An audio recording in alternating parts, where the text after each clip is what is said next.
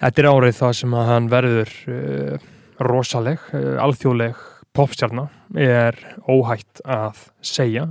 Og í þessu lagi eins og við höfum talað um í fyrri þáttum, þar hefst í rauninni uh, svona þarna svolítið svona ekki beint píkar en þarna er byrjunin á uh, svona deilumanns við uh, Kanye og Jay-Z. Það sem hann segir á þessu lagi uh, I used to wanna be on Rockefeller then I turned into Jay. Hann er hann segjast að einu sinni vildi hann vera uh, í partur af liðinans Jay-Z. Síðan er hann, segir hann hann 2016 þegar hann, hann er uh, 29 ára, verða 30 segist að vera orðin Jay-Z. Það er náttúrulega svolítið uh, nokkur skonar mógun eða svona setjaði svolítið hátt Segir það í þessu lagi eða? Já, hann segir I used to, I used to be wanna, wanna be on Rockefeller then I turned into Jay. Síðan heldur hann áfram og segir uh, and I got a house in LA and I got a bigger pool than Ye I mean Ye's pool is nice mine's just bigger what I'm saying. Mm. og þarna er hann að segja ég er orðin stærri en Kanye West og Jay-Z. Og með þessu, með þessu gríni sko með uh, sundlaugina hans Kanye það uh, er gott samingi því að því að Kanye sagt, og Jay-Z búa í Calabasas á sama stað, þeir eru nágrannar. Það eru bara þrjú, þrjú fjör hús á millið þeirra sko, þeir búa þarna í Hidden Hills og Drake sagt notar þessa myndlingingu að sundlaugina hans sé uh, starri en Kanye's. Með það að hann sé orðin starri og hafi afreika meira en Kanye. Þannig að þarna er tótnin svolítið uh, settur fyrir það sem koma skal. og það, það, það, það síður alls ekkert upp úr neitt nærriði strax þarna sko. Heldur gerist það að þarna er Drake að gýra sig upp fyrir views uh, sem að er held ég enn mest streymda platan hans. Svona því hún er alltaf fimm ára gömul og allt það, þannig hún er ennþá vinsasta platan hans. Þetta er svona sem hann verður alvöru stórstjarna út af. Uh, þá koma singlarnir uh, One Dance og Popstyle. Hvað er þeir í februar eða mars eða niður? Já, svona Mars, eitthvað svo leið sko. Þeir, þeir tölu illa um popstyle. Já, og náttúrulega Popstyle er fyrsta útgána Popstyle, það er með með Kanye, með Kanye og Jay-Z. Uh, The Throne er það titlað uh, á Spotify. Það sem þeir kollu sig the, the, það sem þeir kollu sig the, the Throne. Og uh, glöggir hlustundum minn eftir að Drake sagði árið 2011 I'm just feeling like the throne is for the taking sem að sérst að taka krúnuna af þeim. Og þarna fær hann krúnuna uh, kóngana tvo með sér á lag. Um, og það er náttúrulega svolítið stórt að það var búið að vera svolítið kalt stríð þannig fyrir sko, það var búið að vera Akkur beilaðist lagið, akkur gáður þeir ekki út svona Drake þarna, sagði mér fast það ekki nóg gott. Nei, með og, þeim? Já, með þeim. Hann bara, sagði bara, "Nei, þeir voru ekki góðir. Já, svífirti það aftur, skilur þannig að þetta var bara svona, þetta var valdamúf hjá honum. Að fá á lagið, gefa þetta út sem single og síðan á plötunni, þá er ekki þá eru þeir ekki með vörsin sín á Einmitt, og lagið er frekar erfitt að finna Það Já. er frekar erfitt að finna með þeim, sko. Já, það, það er á Spotify, sko. Já. og síðan náttúrulega líka þá uh, er þetta með þrón og á að vera Jay-Z á læginu, en Jay-Z segir bara einhverjar fjóra línur, hann segir að they still out to get me, I don't get it, I cannot be gotten that's það er líka uh, svolítið Jay-Z að svífira Drake með því að gefa hann mikið meira en bara þessar nokkra línur. Það er líka það, það er líka hægt að lesa svolítið þannig í það. Og Drake hafi ekki fílað það. En mér finnst það gott lag, sömu tölu illa um þetta lag já, mér fannst þetta fínt lag sko. Ekkert spes samt. Ég fílaði popstyle yfir eitt, sko. Og, en, og náttúrulega minna en One Dance er One Já. Dance er náttúrulega hræðilegt. Já, en One Dance samt eldist ágætlega sko. Já, já, og það- þetta er gott lag en virkilega samt ógislegt lag. Og koncept sem þetta varð og ógislegt hlutur sem gerist við þetta lag. I need a one dance. En sko þarna, það sem er svolítið gott sko við popstyle var alltaf tweet sem ég man eftir sko, það var svona tweet eitthvað uh, what, what's that one song lyric that you wish for more than anything in the world that became true? Og þá kvotur í tweetaði einhver og sagði þarna, dropped out of school now we dumb rich. einmitt. það, það, það, það nær svolítið að, kjarna dreik sko, hvernig nær í, í þú veist, væntalega vilja allir hætti í skóla og voru dumb rich. Já.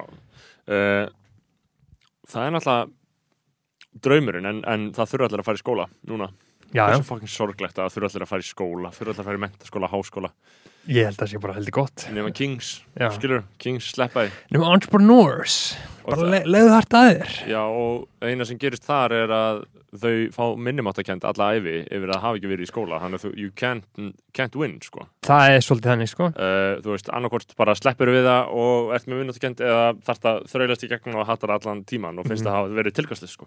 Já, nefnum sér kannski listamæður eða íþjóttamæður Nei, listamenn fá þetta líka.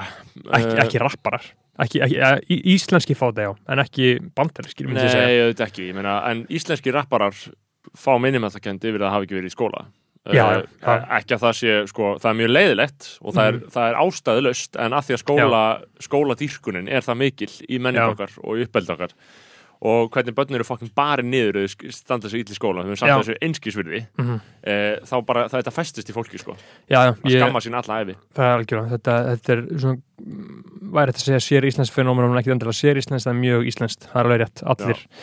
Uh, þetta er partur af lífi allra sem að fór ekki í skóla að þið tala alltaf um og, og mann langar alltaf að segja við það bara, gaur það er öllum sama, Mhm. hættu skilur, Mhm. en þetta er bara í fólki, sko, Já, þetta er bara fast í DNA-inu þeirra. En hvað vorum við að tala um? Við vorum að tala um popstyle Já, og hann tekur, tekur þá af læginu Já, hann tekur þá af læginu og það eru alls konar getgátur uppi um það af því það hafi heyrt sko það, það hafi heyrst út að, það hafi heyrst einhver slúðumöðlum að Jay-Z hafi bara rétt svo poppað inn í stúdíu og sagt þetta og síðan þetta hafi verið nota og hann hafi ekki verið sáttu við þetta og Drake geti þá verið að sko bregðast við því að Jay-Z hafi ekki verið sáttu við þetta með því að taka þetta út. Uh, maður mun eiginlega aldrei vita það sko. Uh, en þú veist, þetta er bara á, veist, það er hægt að lesa í statementir sem svo að Drake segir ég þarf, ég er ekki út blötu og það er náttúrulega myndi í, öll, í venjulegum heimi ef þú ert rappari og ert með tvo aðra stærstu rappara eh, heimsins með þér á lægi þá er plataðin að fara að selja meira. Mhm. það myndi allir halda. Það, en Drake í rauninni með því að taka þá af læginu, þá var hann að segja annarkvort, bara ég þarf ekki að þeim halda, eða hann sé bara með það sterka listræna sín að, að hann, hann setur sitt eigi vers í staðinn sko, Mhm. í staðinn fyrir hann Kanye West og Jay-Z eða hann sem er það sterka listræna sín á það að að að hann vildi, bara gera það. Nei, það, það, það, það, er mjög ólíklegt sko. en þarna síðan 29. apríl kemur Views út. Hún hétt alltaf Views from the Six. En hún var alltaf tísuð það. Ég var alltaf búin, að býja þessar blötu í fjögur ár. Þú veist, hann var alltaf að tísa þetta Views from the Six og allt svona. Og síðan á í rauninu loka kaplanum þá breytir hann og þetta er bara Views. Hún er frumsýnd Þetta er fyrst sinn, eða sko, What a Time to Be Alive var aldrei semi-frumsýnt þarna, en þetta er svona fyrsta alvöru stóra þegar OVO Sound Radio uh, sló í gegn. Mhm. Þegar það man eftir, því á Soundcloud og einhverjum beinum streymum og endalust einhver shiti já, og hann og, strímuð öll þar eða eitthvað já, hann, hann frumflutt hana þar. Uh, hann frumflutti alla plötin heild og ég man eftir, því, ég var í, sko, ég var í svona, á, þetta var þegar ég átt, var að vinna uh, við bestu vinnu sem ég einhvern tímann unni við, Mhm. þegar ég var að vinna á Oddsson hostelinu áður en það opnaði Mhm. og var á nætuvöktum þannig að ég basically vinna mín var þannig að ég mætti vinnuna og laði sér fyrir um og fór að sofa. Já, og þú svarst í vinninni Já, og, og vaknaði síðan og næsti kom og hann kom og ég, bara var nývaknaður búin í vinnunni og fór heim. Uh, þetta var bara besta, ég, það endi samt bara í þrjár vikur eða eitthvað. Uh, þetta var yndislega vinna og þarna, ég var akkurat þar þegar að Views kom út 29. apríl 2016 ég var í uh, hópchatti með uh, mörgum góðum mönnum þarna, sem voru að hlusta á Óvíus og út var klukkan fjögur um nótt eða eitthvað Mm. þetta var náttúrulega á bandarísku tíma en þetta var náttúrulega búlsitt tíma og við vöktum allar nótt í þessu og við vorum í þarna, vorum í chatti, mér minnir þetta að vera ég Logi Petró, Arnar Ingi Kristoffer Eikoks og síðan lendum við í því að það kom gaur inn, Mikil King, Lukas Björn. Hann Já. kom inn í chattið Hann sagði þess að það hefði verið leikið já, og hann sendi á okkur fake link. Svona, svona trollface link skilur það sem þú klikkar á linkin og ert farin í eitthvað og, og hann rickrólaði okkur Mhm. basically. Já, uh, og menn uh, tóku því ekkert sérlega vel og kikku um chatinu. Mhm. það, var svo- það, það var heldur gott sko. Hann átti að alltaf skilið sko það voru, það voru tilfinningar í spilum hann þannig að platan kemur út. king hann, hann er king auðvitað, við fyrir ekki honum þetta skilur, en á þessum tíma þá var hann kikkað úr chatinu fyrir Já, þetta. Ella. Og þannig að platan kemur út maður hlustar á hann að þarna er maður að búast við fullkomna mestarverki þarna er maður að gera ráð fyrir Já, því hæpið var orðið slíkt. Hæpið var gjörsamlega rosalett það var bara, þú veist, Drake var búin að vera svo fucking ógeðslega góður. Og bara svo fucking ferskur á því Og varst þú að- fyrir vonbreiðum? Já, ég var fyrir vonbröðum Mm. með minnir strax og þetta var svona þannig sé í rauninni í fyrsta sinn sem að ég svona uh, byrja eitthvað að gaggrina Drake Mhm. ég var svona svolítið uh, blind blind trú á hann, fannst allt sem að gera bara algjörlega aðeinslegt og views, ég meina ef við förum við þá plötu, hún, þú veist, Keep the Family Close er ekkert, það er James Bond lag sko, Já, en ég elska Keep the Family Close, Nine, You With Me, Feel No Ways Ég elska þau já, öll. þessi þrjú Nine You With Me Feeling Lazy, þau eru mjög góð, Western Road Flows er mjög gott, Hype, það er ekkert spes. Redemption, Redemption. það, það er ekkert spes. With, Jú, Redemption er mjög gott. Ég hlustaði á það á hverjum einasta morgni Ég man í sturtunni. Það er Simp Anthem sko. Já, Simp Anthem Já. þarna Sumar 2016 þá var líka Simp tími hjá mér sko. Já, uh, Ég var í jafningafræðsluna að Simpa. Já, og ég var að klára degutan Þannig ég var að hætta að vera með bólur. Einmitt, einmitt. Já, allan, ég elska Redemption Já. With You uh, With you, all það- það það, það er ekki spes sko. Faith, Faithful, faithful, það, eldist rosalega vel Já. sko um, og, og það, og núna og- já, og still hér, það er eiginlega í setni tíð eitt vannmendasta dreiklæð sko. Mm. ímyndað er að þú veist, við erum bara tíu gaurir í herbyggi, drekka Mm. bjór fyrir fyrirpartí, hann segir hérna me and my doing well doing well, dog þetta er geggja, kontróla það er líka bara, hattar það? Já, ég fokkin elska kontróla sko. Ég hætti að kontróla Ég elska kontróla, það er geggja sérstaklega pop, popcan remixið, ég mæli með að fólk tjekkja á því, uh, One Dance, uh, þú hattar það líka? Já, svona, þú veist, ég hlustaði þetta geðast mikið á það, skilur Já. Uh, Grammys, þa þa Það sem að sko hann, Hondan sem er 2 miljardar views. Já, 2 Nice, miljónar, það er rosalega mikið. Það er alveg gífulega mikið. Grammys með Future, það er ekki spes, það er veist, spes sko. Wizkid og Kyla, eru þeir rich for life bara út af þessu lagi, eða? Já, Já, það ekki? jú, og sko Kyla er svo sem er sömpluð sko. Baby Já. Þú veist, þetta er svona að ég dreikir svo, með svo rosalega góða svona uh, curation og öllu, þá var þetta sko eitthvað svona 2004 garage lag sem var rosalega vinsælt í Bretlandi þannig þetta var algjör nostalgía fyrir alla breta að hlusta á þetta en þú veist, en það var bara svona pjúra brest svona garage klúpa tónlist Einmitt. sem að þa- þannig að mainstreami vissi ekki þessu sko. akkurat, það er merkilegt Já, og veist, hann náði einhvern veginn að tikka í það og sampla það og það virka, ég held að Wizkid og Kyla séu rich að eilíu út af þessu lagi, sko. Þa, það, sko það er bara ekki spurning, sko. 2 miljardar playa Já. Hvað fær maður? Dollar á play? Var það, er það viðmiðið það? Nei, miklu minna ekki Nei, miklu minna. Vá, það væri fucking sjúkt að vera á miljón dólar. Það er hægt að gera ráð fyrir því að ef að lag um miljón streymi þá sé peningur að koma inn um það byrð 500 skall, Já. ís, íslenska krónur. þannig að þetta er hálf króna Já, ég meina, já, já, Já. ég meina krónu Ég var að tala um krónu Þannig að hálf króna á play Cirka, en þú veist, málið er að það er ekki til neina reglur um það að Nei, þeir nei. bara gera fokkin hvað sem við vilja þessu ógeðslu uh, tæknifyrirtæki Mm. og síðan eru við að tala um þessi þrjú lög sko, Controlla, One Dance og Child's Play uh, þetta, uh, svona þessar singlar, risastóru ógeðsla vinsalir, það er, þeir svona ná og Too Good náttúrulega líka þeir ná að sína í rauninni hvað Drake nær sko að samina stelpur og stráka í einhverju veslu, skilur bara. Það er nefnilega- stelpur elska þetta og strákar fokka með þessu líka, skilur þarna náðum því bara algjörlega fullkomlega á views. Settir alltaf hotline bling inn á þessu plötu líka. Já, deluxe. Uh, Þannig að það uh, gerði plötuna að náttúrulega bara einhverjum einhverju algjöru undri í plötusölu já, og hann sló öll met það veist, jú, það er mjög fyndið hvernig fólk talar alltaf um svona met skilur alltaf, Drake á öll met sem hægt er að eiga skilur, þú veist, bara endalist, bara biggest streaming numbers fyrsta Já. dag, fyrsta viku, allt þetta.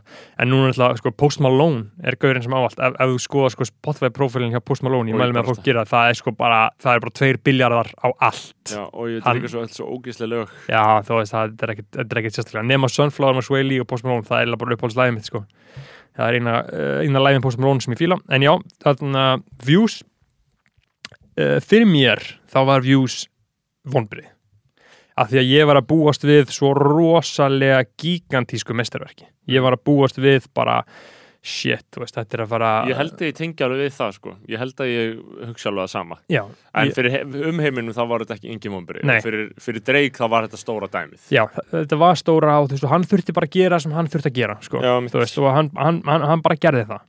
Og ég bara, ég bleim hann alls ekkert, alls ekkert fyrir það, en náttúrulega sko allt líka bara heimurinn kringum þetta, þú veist, coverartið það er geggjað, skilur Og það er náttúrulega líka, þú veist, að því að Þannig var Drake nýbúin að vera með Hotline Bling mýmin mm og uh, svo koma, kemur þetta mým með Drake sitjandi upp á turninum og settur virkaði Og bara. og þetta virkaði bara svo ógæðslega vel fyrir hann. Þetta bara Já. fór allt upp í hendunar á hann það var bara að tala enginn um neitt annað, Mhm. grínast ekki með neitt, með neitt annað en bara Drake upp á einhverju þaki og eitthvað svona kæftæði, skilur Það mætti segja að sko þetta var svona þess, þess tíma Bernie Sanders. Já, einmitt, þetta var þess tíma Bernie Sanders, sko. Shit, hvað það er umræðið shit. Já, En já, en þa þarna var þetta ferst Þarna var þetta ferst Drake og þú veist og bara pressmyndinir af Drake sem eru með í albumcoverna það er síðasta plantan sem að hann gefur út sem að kemur physical sko. Eða þú veist sem að svona raunverulega það var eitthvað gert út, út, var út, út, á það sko. Mm. geggja myndir af hann í leðurjakkanum hana, í, í Toronto sko. Og þarna er náttúrulega loksins uh, repparan Toronto fullkomlega, Mhm. þarna er bara svona veit, veil, a, veit alþjóð það fullkomlega og það hafði hann alltaf gert það og allt svona hann, veist, hann hafði sagt í vitalegu sem hann var búin að gera anþemið, hann var búin að gera Know Yourself, skilur, uh, Running Through the Six with My Woes sem var á uh, fyrirblöðinni If You're Reading This It's Too Late og sko, það lag var náttúrulega til upp úr sko, afbyrðisemi út í sagt, Wiz Khalifa af því að þú veist það er svo rosalega geta uh, gert lag um borgina án þess að segja eins og Black and Yellow Mhm. það er um Pittsburgh, Já. heimborg uh, Wiz Khalifa og var bara risastór fucking monster, monster, monster hit og allir að syngja bara um Pittsburgh, borgina og allir sem er í Pittsburgh vita það og Drake var svolítið að reyna að gera það með Know Yourself og síðan fullkomnaði það með Views Mhm. með því að hafa allt coverarti og allt þetta því þarna var hann svolítið orðin eins og við tala um hann, hvernig hann ræðist á sko Kanye og Jay-Z, þarna var hann í rauninni alveg fullvissar en það að hann þyrfti ekki það sannan lengur skilur. Nei. núna setur hann tónin og, og aðrir fylgja í rauninni eftir honum sem var búinn að vinna Meek Millana orðin bara langvinnsanstur, slær öll þessi met endalaust og er bara gjörsamlega huge, uh, er alltaf að reyna að vera í önnu þarna, uh, við tölum við það þegar hann, þegar hann oppaði hana á MTV Video Vanguard, mm. -hmm. verðlunum það var ræðilegt Konga move Já, þannig að þarna er hann orðin bara risa, risa stór. Og síðan síðan verður hann bara smátt, smátt, stærra og stærra. Það kemur út stuttmynd í kjölfara á Views sem var Apple Music exclusive þannig að eiginlega enginn sá hana sko.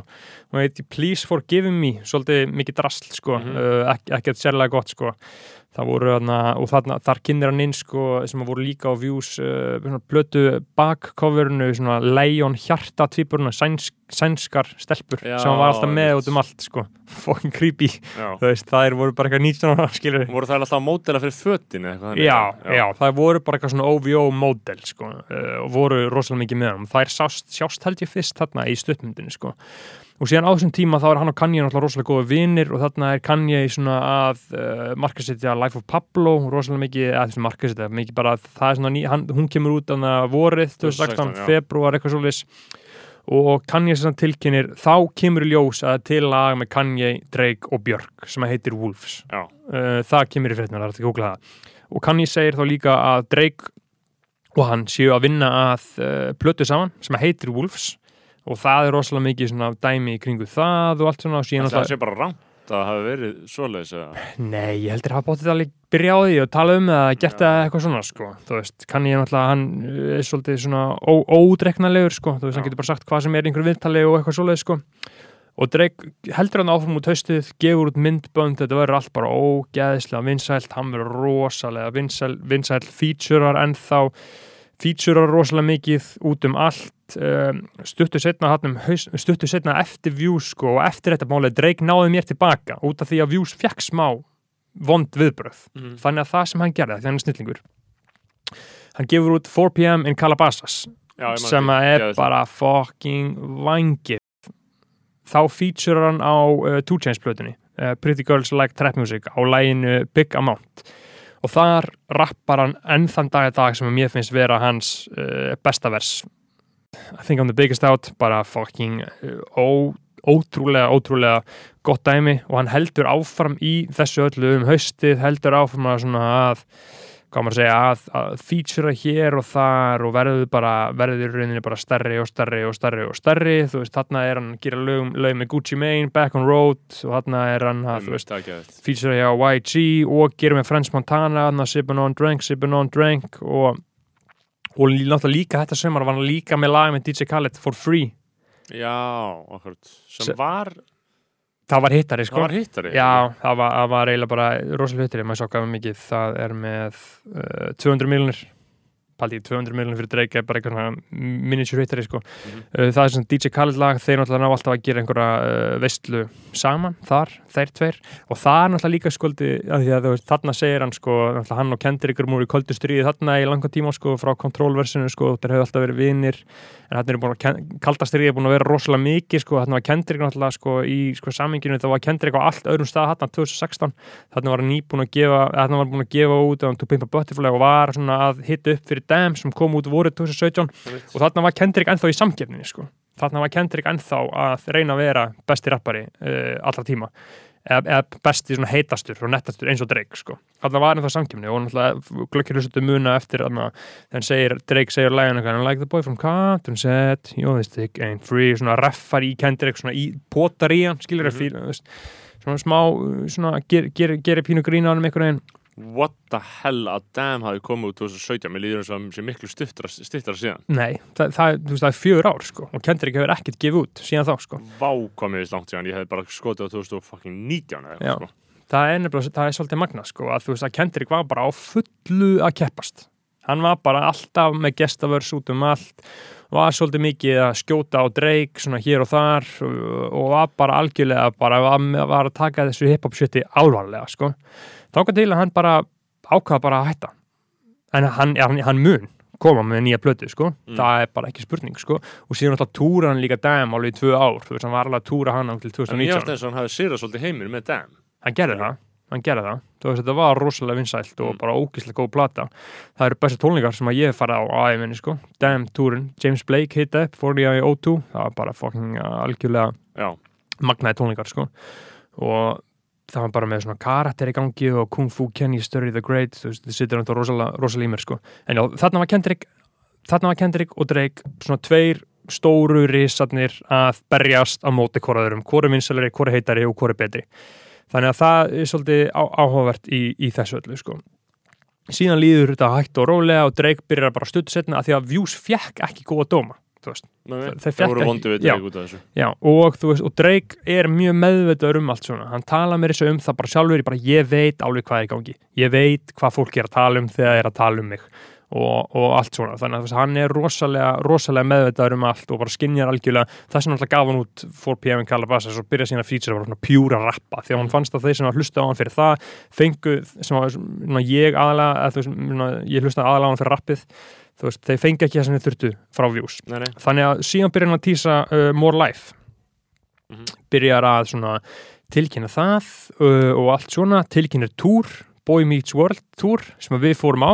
Já, um, það er vorið 2017, þá er alltaf verið að tísa uh, More Life og síðan uh, bara alltaf verið að tala um það og hann talaði um það kom sko. það ekki í janúar? Kom hún ekki í janúar Nei, hún, hún kom minni 17. mars. 17. mars Seint, 2017. hvernig var ég í London? Við fórum Við fórum í februar áður hún hefði komið út. áður hún var ekki Hann út. tók lög af plötunni Já, það voru komnir eitth- eitthvað aðeins eins og til dæmis lægið sem að læ- lægið með hana, hvað hva heitir það aftur? Lægið með Giggs sem er alveg eins og lægið, með X. Ég held að hann hefði tekið Can't Have Everything á á tónleikunum. Já, með minni það, eða sko KMT Hann tók Já, tók, KMT tók KMT af því að Batman dana, dana, Já, og þarna, já, við, við, við komum að því sko, og þarna 2017 þá þarna uh, BA í London um, við förum á dregtónleikana Boy Meets World Tour, heldur gott crew sko, hvað ég, þú uh, margi góði Pétur, Flóni uh, Dotti Sig, Elín- Siggi Steppi, Elin Elín Ísolt. Melkorka Ír uh, Er ekki Elmar Sæmi. Kom ekki Elmar líka með okkur eða? á Mm, tónleikana? Nei, kom ekki, hann kom ekki að chilla með að okkur hana Uh, Nesi, Nesi. Raggi Gísla. Raki Gísla. Já. Allir Eh, vel, freðinir, eða minni mig. Þetta, þetta var kongafærið, já, þarna voru menn þarna var svolítið, svolítið sífreri í gangi sko. mm -hmm. uh, hvað, Leðum Airbnb íbúðan stóra já, Mix Mansion í Austur London, í Aldgate. Það var, það var heldur gott, sko, við vorum stórhópur uh, ungra krakka uh, á fylleri, sko, mm Mhm. rosalit fylleri og rosalega mikla grasringar mm. og uh, tónleikarnir Vágur, ég mun aldrei gleyma þar þegar ég og Flóni vorum að reyna að koppa já, á götunni, mannst eftir þessu? Já, ég mætti þessu vorum að reyna að koppa og þetta var algjört svona hann að þegar fólk er grínað þarna myndinni af, af svona sex gaurum í svona pólobólum. Eitthvað, two- 20 two- dollars, that's great. 200 for a gram, ætt that's great. Eitthvað, sounds great. Og Já. við fórum, vorum með einhverjum dílerum. Og þeir eitthvað, já, komið hérna hotni, við vorum eitthvað að spura hvort þið þeim. Mhm. Og síðan komum við uh, og þeir augljóslega voru eftir á að færa bílinn þannig að veist, þeir getur brunað á stað þannig að Já. þeir fóru með okkur aðgöðuhotni, Mhm. voru í bílnum við réttum við peningana og þeir gönnu að stað og maður horfði á bílinn þið, þið réttu þeim pening inn í bíl Inn í bíl, inn í bíl og hann bara lokaði glögganum Já, og kerast og á það er ekkert sem var og Nei. var örugglega- þetta var örugglega 50 punda eitthvað sko. Já. var alveg pe peningur sem við töfum en Já. aðalega var niðurleggingin sko. Þeir Já. hlóu í bankan sko. Og það, það hefur alveg að uh, það gerist tvísvar aftur eða ekki? Við okkur, Já. nei, setna því við fórum sko til London, við fórum til London þarna um vorið, það er að segja snemma. Já, það, það, er, fórum aftur á Wireless 2017 sko. Já, það, það eru til nefnilega margar frægar sögur af mönnum að kaupa gras í London. Og Já, það ég geng, meina- gengur svolítið illa og sko. það var episk saga við hvernig við keftum gras í London þegar við fórum á Wireless. Hvernig það það? fórum við Gucci pókarnas Péturs já, svona svona Gucci bakpóki, mannstu Já. þér aftan hann? jú,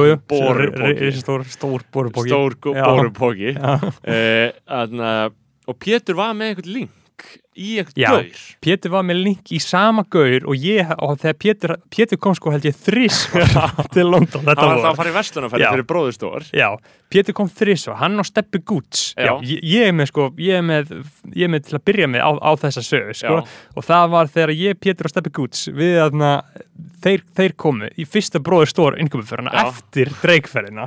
Þá fórum við og hittum gaur og það, hann var með skilur, hann var með bórupókan og þarna vorum að fara að hitta gaur og við föttum bara, ok, við vorum þrýr og föttum bara, ok, við erum ef að koma gaurar, hérna vinstra minn og hæra minn okkur þarf inn, innilokaðir Mhm. og þeir taka og stepp, steppi á með einhvern póka líka sent þannig að þetta enda því að ég tók pókan þeirra báða og fór í burtu á meðan þeir fóru að hitta dópsálan uh, þú varst með borupókan líka í Já. þessu gigi Já, Já. fokk hvað það fyndi og, hérna, og síðan kefti þeir og þetta var svo gott, var svo gott gras og við fórum hérna Ég nefnilega að að ég- það- þetta var sérstætt fyrir London að vera bara með gott, hann var bara með góðan link Já. hann bara keift gott gras á hann á eðlu verði. Einmitt, það er svo fokki fyndi að Pétur hafi komið til London hann sko 2017, þá fór Pétur fjóru til London hann kom líka um jólin Af því aftur, að- annars er London bara oregano í massavís þetta er allt oregano sko.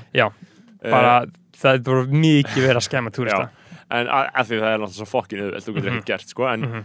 en þegar við komum síðan til London þá var Pétur með þetta sama plögg Já. og fórum með Gucci-pókan Mhm. uh, og fórum bara þvert yfir borgina til þess að hitta gaurinn Mhm. og ég heldur maður það allan tíman maður heldur alltaf allan tíman allt muni fara til fjandan sem. Mhm. maður gerir þetta maður, mm ég, þetta er eins og maður sé að fara með eitthvað kontraband bara upp á Já. þrjú, 30 kíló heroin inn í landið eitthvað keftum sér sko risa stóran póka það var svona 30 grömm eða eitthvað. Mhm. og settum allt í boru pókan og síðan fórum við alla leið hinum einn í London skilur, við erum að ferðast með borupókan og hann ángaði Mhm. Eins og skunkur. Borupókinu og svo var svo gleðilegt þegar við komum aftur í bandaði sko, með, já, þetta var algjör sigur sko. 30 gröma grassi uh, til, tilbúið að vera reykt. En já, þess, þessa, á, á þessum túr Boy Mhm. Meets World hann var sko, Drake var að spila held ég sko sjö kvöld í röðu eða eitthvað í O2 og við vorum alltaf risið stór hópur hana, uh, og vorum all með pæritaða miða og við vorum öll að kaupa second-hand miða Mhm. end, endursölu, þannig að við sátum öll bara eitthvað hér og þar og við, við og dreif um salin sko. Og ég man, ég, ég og Siggi Steppi uh, sát, sátum, sátum saman sko uh, og ég var mjög friðinn og blindfullur gjörsamlega blindfullur Já. ég á ekki staka minningu frá þessum tónleikum. þetta er svolítið móðu hjá mér það líka, er svo ógeðslega sorglega og að því að þú veist, þetta var þannig að það var svo mikið vesen, svo mikið fólk, þannig að það sem ég og, það sem ég og Stefán gerðum var að keftum okkur báður þrjá bjóra á mann. Já, heldum á þeim saman í svona þrýrning og fórum með hann í sætun okkar og vorum síðan allan tíman uh, bara í sætunum okkar og horfðum á allt sjóið. Mhm. en því miður á ég ekki staka minningu frá þessum tónleikum. Ég ég, ég, á- ég, ég man eftir að hafa heyrt KMT bítið já, dun, dun, dun, Já. dun, dun, dun, dun. já, Já. ég man sko Þetta er ekkert ósveipa hjá mér sko Ég veit, veit ekki alveg hvað hva gerist í einhverju fyrirparti fyrir þetta sko Við drukkum alltaf nörgulega frekar mikið sko. drukkum ókslega mikið og reyktum ókslega mikið Uh, og það var eiginlega ekkert eitthvað sérstaklega góð Mhm. hugmynd mm. ég og Flóni hann upp og þú veist, við vorum náttúrulega í fyrsta lagi svona kílómetr frá Drake já, já, já þetta er að hafa svona að sjá hann, sko. ég sá bara svona glitta í hann já, og í öðru lagi þá, þú veist, þá vorum við þá vorum við fucking farnir og það var svo fucking mikið af fólki hana já, og við vorum að tjögga svona, við fórum og keftum alltaf nokkur eintöka búlmers, mhm, síternum já, já. uh, það var svona bærilegt sem að gætt drukkið þarna, Mhm. allt, allt annað var einhvern veginn volt og eitthvað umulett Einmitt. en ég man alveg svona, veist, já, já ekki eitthvað skýra minningur að hvað var að Nei. þessu tónleika ég man eftir eitthvað svona glimps Mhm. og það var að en svo tónleikar eru bara, veist mér finnst bara svona tónleikar, þeir eru bara ömulegir þú einhvern veginn ert ekki eins nær. Þú verður bara Já. að borga auka tíu skall fyrir að vera bara eins nálægt og getur, finnst mér sko. Já, einmitt. Að þá færðu minninga að því að sjá listamannin í holdi klettan, skilur Já, einmitt, ég, ég farið á þrjá svona tónleika í O2, sko, ég, ég farið á Drake og Kendrick og Future. Og þarna Future var langt bestur, af því ég satt upp í sætum alveg við hliðin á hann Já. ég bara sá hann fullkomlega bara mannin, ekki bara á skján Já. það eru ömulegt að horfa Já, bara á skjá Já, þú þarft að sjá hann, sko, ég var einn á Future tónleikunum, Mhm. ég var með Ragga og hann fekk þá var þetta kallað að fá ílt í maður og fór heim Já. þarna, þarna töluðu menn ekki endilega um kvíðakost eða funglundiskost og. Rich the Kid var að hita upp og Raggi fór í Einmitt. miðju sjón hans og Future var ekki byrjað þannig ég var bara einn á Future það var ekki bara gaman eða? það var geggjað, það var, það var held ég besti næst bestu eftir kendur ekki tónleika sem ég farið á sko. bara æslegt sko besti tónleika sem ég farið á var voruglega skepta í listasafni Reykjavíkur uh, Já, það er röglega skemmt það sem ég hef gert í Já. svona tónleikamálum sko. ég var ekki á því en ég hitt hann á príkinu eftir ég mynda mig með honum en á príkinu það var crazy dæmi sko, Mhm. þegar við vorum að þinni en uh, það var líka þegar tónlistaháttíðir voru á döfinni og maður lærði öll lögin maður fór Já. inn í listamennina. Já, maður það metnaði fyrir djámari mhm. að maður bara algjörlega, þú veist, Já. þetta var bara skilur, research. En já, og þarna, þessi tónleikar voru veist, eh, í minningunni og ég, ég, ég, ég skammaði mér svo mikið fyrir að ég ekki svo mikið blackout hana, ég var svo fucking blind full maður var svo spenntur, maður var að sjá gaur að tónleikum sem maður hafi hlustað í gjör, gjörsanlega religiously í fimm ár. Bara, galið bara, þú veist, maður var bara ógeðslega peppa fyrir svona að ég bara rekti alltaf mikið gras og drakk alltaf mikið bjór og svo vill maður ekkert segja það strax við fólk sko, Nei, að maður bara ég- er ekki til frásarnir um ég, ég er nýbyrjaður að geta skila þeirri skömm sko. Já, ég, og versta fyrir skömmina mína var að sem sagt, daginn eftir þegar við verðum að tala um tónleikana það voru allir að tala um það að Stormzy hefði verið hana Mhm. það voru allir að tala um Stormzy og ég bara fann fyrir sko mestu niðurlæðingu sem ég sem, að Var hann? ég, sem ég gæti ímynd með, nei það voru allir að tala um, já, Stormzy kom að það, hann var geggjað sko, það var gigs. Já, nei, það var Dave. Dave. Dave kom og var. Og ég náttúrulega vissi alveg að Dave hefði verið. Ég myndi það, ég myndi að hann hefði komið ég fílaði Dave fokkin mikið hérna. Og en það tölu allir um að Stormzy hefði verið hérna því að allir aðrir voru svo ignorant og þú gast ekki sagt, þú gast ekki ég gæti ekki sagt þetta, ég fattaði ekki fyrir nokkur mánuðin setna að þú veist, ég held bara að ég hef blackout á, á Stormzy skilur, að hann hefði ekki verið hérna Vá, hvað þetta er gott maður. Já, en þetta var, uh, var geggiferð uh, til London maður. Já, þetta var góð færð og, og fyrir, til upplýsingar það var postað mynd, postað mynd í þarna uh, bræðlagi, fe- á Facebook. um já, já, Aron postaði henni. Og það sem við erum að reykja sígrættur í Camden eða eitthvað bara. Og, og það er sérst úr þessari ferð sko. Einmitt, það er, er held í góð ferð. En þarna, sko, síðan kemur More Life út síðan kemur More Life út. Þú, þú kemur út 17. mars 2017 ég er stattur, þetta er ennþá þú veist þegar að Drake útgáfa var bara það, það þannig hlusta ég vakti í alla heilu nóttina og hlusta á hann Ovi og Sound Radio eins og ég ger með views. En ég var mjög fyndi, ég var stattur í Cambridge þarna, ég var að gista inn á skrifstofu hjá prófessor og vini pappa þegar pappi kom í heimsók til London og við fórum í heimsók til einhver fræ, Já. einhver, einhvers fræðafólk sem átti heima í Cambridge. Og ég fór með hann þangað og gisti inn á einhver skrifstofu og vakti alla nóttina, nóttina til þess að- hlusta á frumflutning og bara uh, útvarsflutning á More Life og þetta var náttúrulega rosalega skemmtilegt moment og rosalega skemmtilegt uh, allt í kringum þetta en More Life var gott en ekkert spes skilur. það er svolítið þarna Nei, að. Drake byrja að höfða til svo ótrúlega margra að hann getur ekki náð öllum. Það verður bara svolítið flókið sko. þú veist, þetta verður rosalega erfitt. En þú veist, auðvitað eru rosalega mikið að góðum lögum á More Life, eins og bara, þú veist Passion Fruit er fínt, ég hata það þá en það er mjög gott í dag, sko. Já, ég hataði það þá, ég hataði Fake Love. Já, uh, ég hataði Teenage Fever, ég elska Teenage Fever núna. Teen- Teenage Fever er geggja, sko. Passion Fruit er gæðveitt og uh, þarna besta lag sem mér finnst Drake hafa gert er eiginlega Can't Have Everything, sko. Ég, ég er samanlega því, ég elska Can't Have Everything og Do Not Disturb, ég hlusta ennþá það bara Já. næstu í daglega sko. Ég hlust á Can't, Have Everything. Þú veist, hann segir, oh man, back up on the sun February 10, þú veist, það er sjúkt, sko. Já, mér finnst það sjúkt. Og, og og KMT með gigs, það er náttúrulega líka bara, þú veist. Ég elskaði líka Portland, sko, ég fílaði Portland. Já, Portland kom náttúrulega líka út, sko, á tíminbili þegar Quavo var bara gjörsamlega ósnertanlegur og ódöðlur ég maður bara eftir allt sem að Quavo snerti var bara epist mhm. og síðan var eins og hann hafði bara fengið einhvern heilaskaða eða eitthvað, þú veist, allt í hennu var þetta bara sjúglega þreytt og leðilegt mhm. uh, en hann var legendir í góðurinn, þegar Migos voru að píka aftur sko, með Mm. t-shirt og Ben Bucci og allt það sko var Og það sem er langbest þegar röpum rapsnakkið sko Já. svona- with the Dab Ranch, Ranch. with the Dab Ranch, we can make it happen shout out á Rapsnack Íslandíkana hei, bara ef þið eru að hlusta, komið með sendinga því hann var eitthvað að tala við mig um að koma með fleiri Já, sendingar en já. ég náði ekki að svara hann um eitthvað en Nei, ég er til í meira rapsnakk ég er til sko, að ég bara elska snakk og ég elska rap. Ber, ber mikla virðingu fyrir þessar mesturum sem að eru að gera það, uh, virðingu ekkur en já, More Life kemur út um, það er ekkert sérstaklega uh, sérstaklega feitt en og það er allir sammála um það Já. að svo plata var bara og, svona og, og þarna er þetta líka þú veist, hann, þau segir hérna þú sér hérna, þetta er bara More Life, mynd af Dennis Graham pappans að reykja pípu og skrifa og eitthvað og þetta stendur a playlist by October Firm það er eitthvað streik skýrt fram, þetta er ekki plata Mhm. þú veist, þetta er ekki plata, þetta er ekki mixtape, þetta er playlisti. Og þarna hjælt hann að hann væri að, svona, að usher in a new era. En það gerir þetta enginn, eða skilur við, þú veist. Einmitt. það, það, hann held að hann var að vera rosalega framúrstefnilegur að byrja eitthvað nýtt og eitthvað svona, gera eitthvað nýtt það. Sem hann náttúrulega þannig sé gerði það, þetta er náttúrulega bara þetta er mjög ekki cohesive.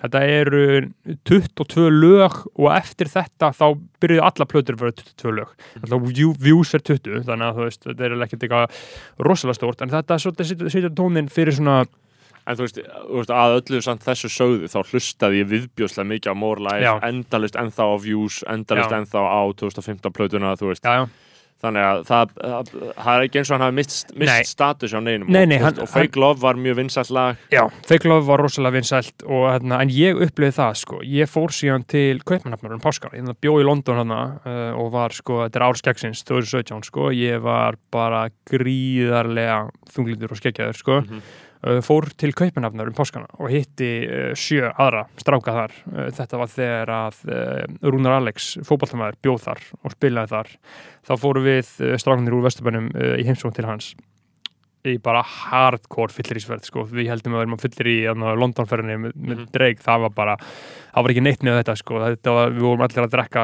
svona, í örglu svona 19 bjóra á mann á dag sko. Óibast. já, það var bara sko, það var bara, þetta var bara rosalegt. Því ég hugsa um þetta núna og myndi, væri alveg til í þetta en sko á fyrsta degi þá myndi ég segja bara jó, ég farin, ég, ég ætla ekki að taka þátt í neina þessu. Ég Já. myndi bara meika eitt fyllir í og síðan myndi ég gefast upp. Þetta var bara smá eins og gaurar sem eru kannski bara, þú veist, ég heyra Já, eitthvað. Já, þetta er eða krakk og bara hittast, ok, spreytum okkur, let's Já, go. Gerum þetta. Þetta var bara hannig og síðan fóru ég náttúrulega, síðan fóru sumir í Kristjaníu sumir ekki sko, ég, ég kíkti það var, stemming sko, Er það ekki, hefur þekking á því, getur maður ennþá farið þangað og koppað og bara ekkert mál, Já. bara allir færskir ég held það já, Já. ég held það. Það er bara ekkert, no hard drugs sko, Nei, ég held að það sé ekkert mál. Um, ok, en, okay, en, já, að og, en, að já, en pointið mitt með þessari ferð var að við föttum það í lokin að það, við höfðum aldrei spila neitt af More Life á Mhm. meðan við vorum þar, við vorum alltaf að hlusta tónlist við vorum alltaf að djamma. En spilum aldrei More Life það, það bara svona, við föttum þá fattaði ég svona hm, já ok, þetta er ekki alveg að hitta menn jafn Mhm. hart og gera gamla og þú veist, þegar vorum hann að koma fyrsta Playboy Carti platan líka út sko, og það var rosalega rosalega gott moment En já, þannig við spólum, sam, spólum þá áfram hérna uh, 2017 More Life og síðan eftir það kemur sko, gefur nút eða slappa þessa single sitt ever fyrir Sem er hérna. Louis Vuitton uh, tískusýningu, Mhm. Science þú veist, það, ég bara ég hlusta það kannski þrísvar á það eitthvað, Já, sko. það er umulegt það er bara það er lélegasta lag sem að Drake hefur gefið út bara svona eitt lag, sko, Mhm. það er bara e- ekki, ekki spurning, þannig að þarna hjælt maður svona Það er svolítið, pottet með 300 million plays já, alltaf ekki Science finnur það? Já, það er hérna Það er nákvæmlega með 300 million plays Það er Mm. með 304 million Já. plays Já, paldi. Og hann gerir þetta fyrir einhver Louis Vuitton tískusýningu og það er svolítið slaft, sko. En síðan þarna eru að koma inn í svolítið svona rosalegt ár hjá honum, 2018. Þannig að 2017 þá heldur hann alltaf áfram að, þú veist, að gefa út andra, andra feature hér og þar á fullu, skiluru, gefur út Wanna Know remix með Dave, Used to This með, þarna, með Future og Both, skiluru, þú veist, No Frauds og Walk It Like I Talk It. Nei, það, er 2018 Já. og þannig er bara full með það og síðan kemur 2018 og hann sem byrjar árið svolítið stert hann gefur út uh, Scary Hours, svona lítið EP Mhm. og á því eru uh, Diplomatic Immunity sem er bara eitt, bara eitt, eitt, eitt, besta Já. og síðan vinsalasta lagi hans ever, frá upphafi, God's Plan uh, og það gjörsamlega bara springur út. Þegar maður skilur, þú veist, hann bara hitti á einhverju formúlu þarna, skilur þú veist, she says do you love me? Veist, þetta er bara einhvern veginn uh, hittar fullkomlega. Ég hati þetta lag sko. Já, mér, þetta er allt í lagi í dag sko. já, núna kannski Já.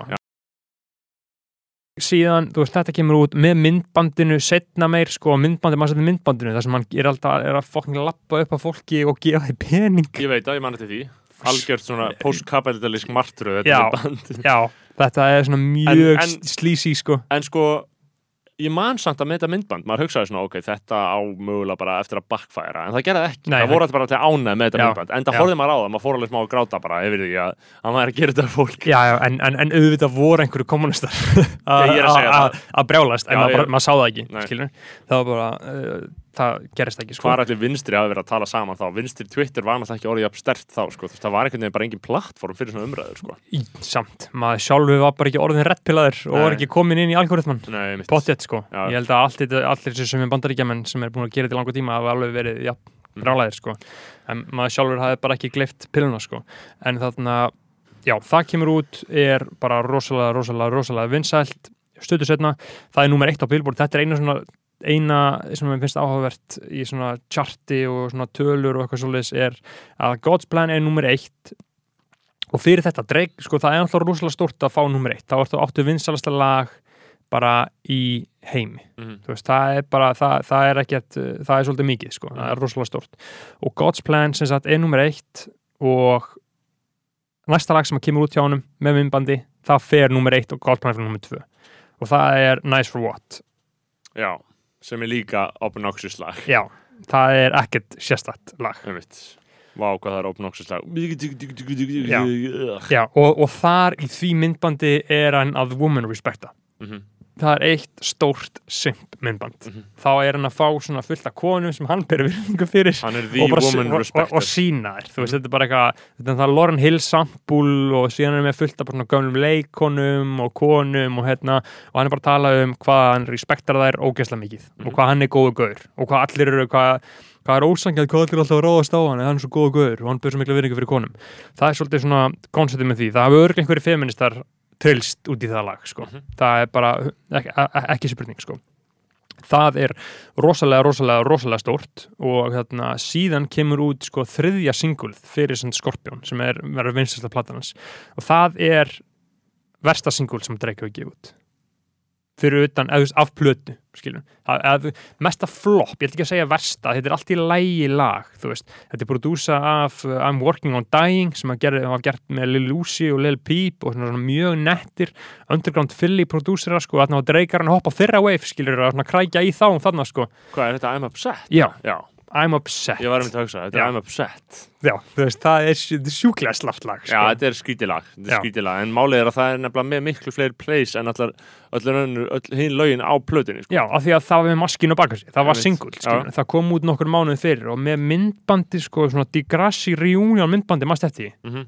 Það var að því að ma maður er sjá- sjálfur svolítið svona tengingalus við Degrassi, sko, Já. þannig að maður svona, uh, var ekkert að tengja rosalega, ro- rosalega mikið við það, en væri, að væri annað til mér ímyndað er að myndi koma eitthvað, ég veit það ekki, OC reunion eða eitthvað, Mhm. það, það var náttúrulega stort fyrir mann, sko, en það kemur út og þá er svona uh, er maður svona að halda svona, úf, ok, það er eitthvað það er eitthvað í gangi hana, skilur ja, það er kannski ekki alveg allt já, fullkomum heldur Mm. og síðan 25. mæ þá kemur platan hans Pusha T uh, Daytona út 25. mæ, þetta var þegar Kanye var í manju og var, var að prodúsa að kom út Good Music plata okkur með einasta föstu degi held ég fimm, fimm, fimm vikur í röð. Kanye gefur út sína plötu og Kitsy Ghosts og Pusha T og Tiana Taylor og Nas. Þessar fimm plötur, þú veist það var bara epíst sumar, sem að Kanye gaf út plötu okkur með einasta, einasta föstu degi og það var allar sjö lög My album seven songs. Mhm. og það var og rosalega stort moment uh, bara hjá, hjá öllu þessu hjá þeim öllum, uh, þetta var rosalega gott stöf kann ég, þú veist, þetta var þegar maður nýfluttu til Wyoming sko, uh, og, Já, var, og var svona svolítið komin úr sunken placeinu sínu sko. Og, og var svona í fyrsta sinn að viðurkenna sko að hann var með, með bipolar sko. Mhm. og hann gerir það náttúrulega á ég plötunum og sinni. bara gera út á það líka já, já, og það er svolítið þarna byrjar hann að tala um þetta sem overkraftin sinn sko, Mhm. I'm a superhero. Og hann gefur út ég plötuna sína sem er eiginlega versta platanast fyrir utan Jesus King en það, fyrsta lagi á þeirri plötu það finnst mér vera besta kannjilag uh, allra tíma uh, I thought about killing you. Það er bara eitthvað gjörsalega magna við það hvernig hann er bara að channela sína einn innri geðviki yfir í eitthvað lag sko, mér finnst það bara það besta kanjilag sem ég hef heyrt. En burtsér frá því þá pródúserar Kanye sem sagt, við höfum fjallað um flókisamband milli Kanye og Drake uh, lengi, Kanye er náttúrulega More Life, hann er á læginu Glow og það er ömulegt lag, já, það er bara það sakar, það veit ekki hvernig það er. Nei. Það, þú veist, kemur þetta uh, kemur þessi búsi típlata út 25. mæ 2018, ég ég man bara algjörlega hver ég var. Þá er sem sagt Infrared síðasta lagið, það er sem að Pusha T gjörsamlega bara í fyrsta sinn. Það búið að vera rosalega eins og kallt stríð milli Kanye og Drake og sérstaklega Pusha T. Að því að Pusha T, sem sagt, eh, smá baksaga á hann, hann er sem sagt frá uh, Virginia var frægur rappari 2003, 4, 5, 6, 7 í hljómsveitinni Clips með bróðu sínum Malis sem gengur nú undir nafninu No Malis að er orðin Kristinn, hættur að, að er ekkert, hann rappar ekki um neitt er líka bara hættur að rappa. Og Pusha T var bara rosalega, rosalega stór rappari Drake var rosalega aðdándi það til viðtal við Drake þar sem að hann keifti áriðan klipsmæk frá Pusha T þannig að hann er bara mjög yfirlýstur uh, rosalega við, aðdándi og klipsplötnar Hell Hath No Fury það er svona að þeir kom upp með Pharrell á þeim tíma í rauninni. Og þeir til dæmis gerðu og það sem að í rauninni byrjar allt þetta bíf sem sagt tengist því að Pusha T gefur út lagið uh, What Happened to That Boy með uh, Birdman og Clips, Birdman og Clips og Pharrell pródusir það og Pharrell fær aldrei borgað. Og Birdman, hann sænar Lil Wayne og Lil Wayne sænar Drake. Þannig að Pusha T hatar Birdman fyrir það og hatar Lil Wayne þar alveg fyrir það. Það er svolítið kveikjan að í rauninni þessu öllu og síðan gerist það náttúrulega líka að Lil Wayne er rosalega heitur á þessum tíma sem Pusha T er rosalega heitur og Pusha T uppliðið alltaf þannig að Lil Wayne hafi stólið stílinu sínum. Mhm. og síðan uh, rýbrandar Pusha T svona, sig svolítið, verður soloartisti verður ekki lengur á klips og er sænar hjá Good Music. Og kemur fram á Pluton's Kanye og Runaway skiluru og TV performanceið með Salmon, Salmon sútinu, þú veist bara algjörlega illa dæmi og er svona hægt og hægt alltaf að skjóta rosalega mikið á Drake og skjóta á uh, skjóta á Lil Wayne sérstaklega. Þannig að Drake svona svolítið í Dreams, Dreams Money Can Buy þá svona svolítið að, að verndar hann Lil Wayne að því Pusha T var búin að skjóta svo mikið á hann sko það sem að, að Drake segir sko að lately I went from top 5 to, to remaining 5 my favorite rappers either lost it or they ain't alive. Þarna er hann svolítið að tala um Pusha T Mhm. uh, segja menn.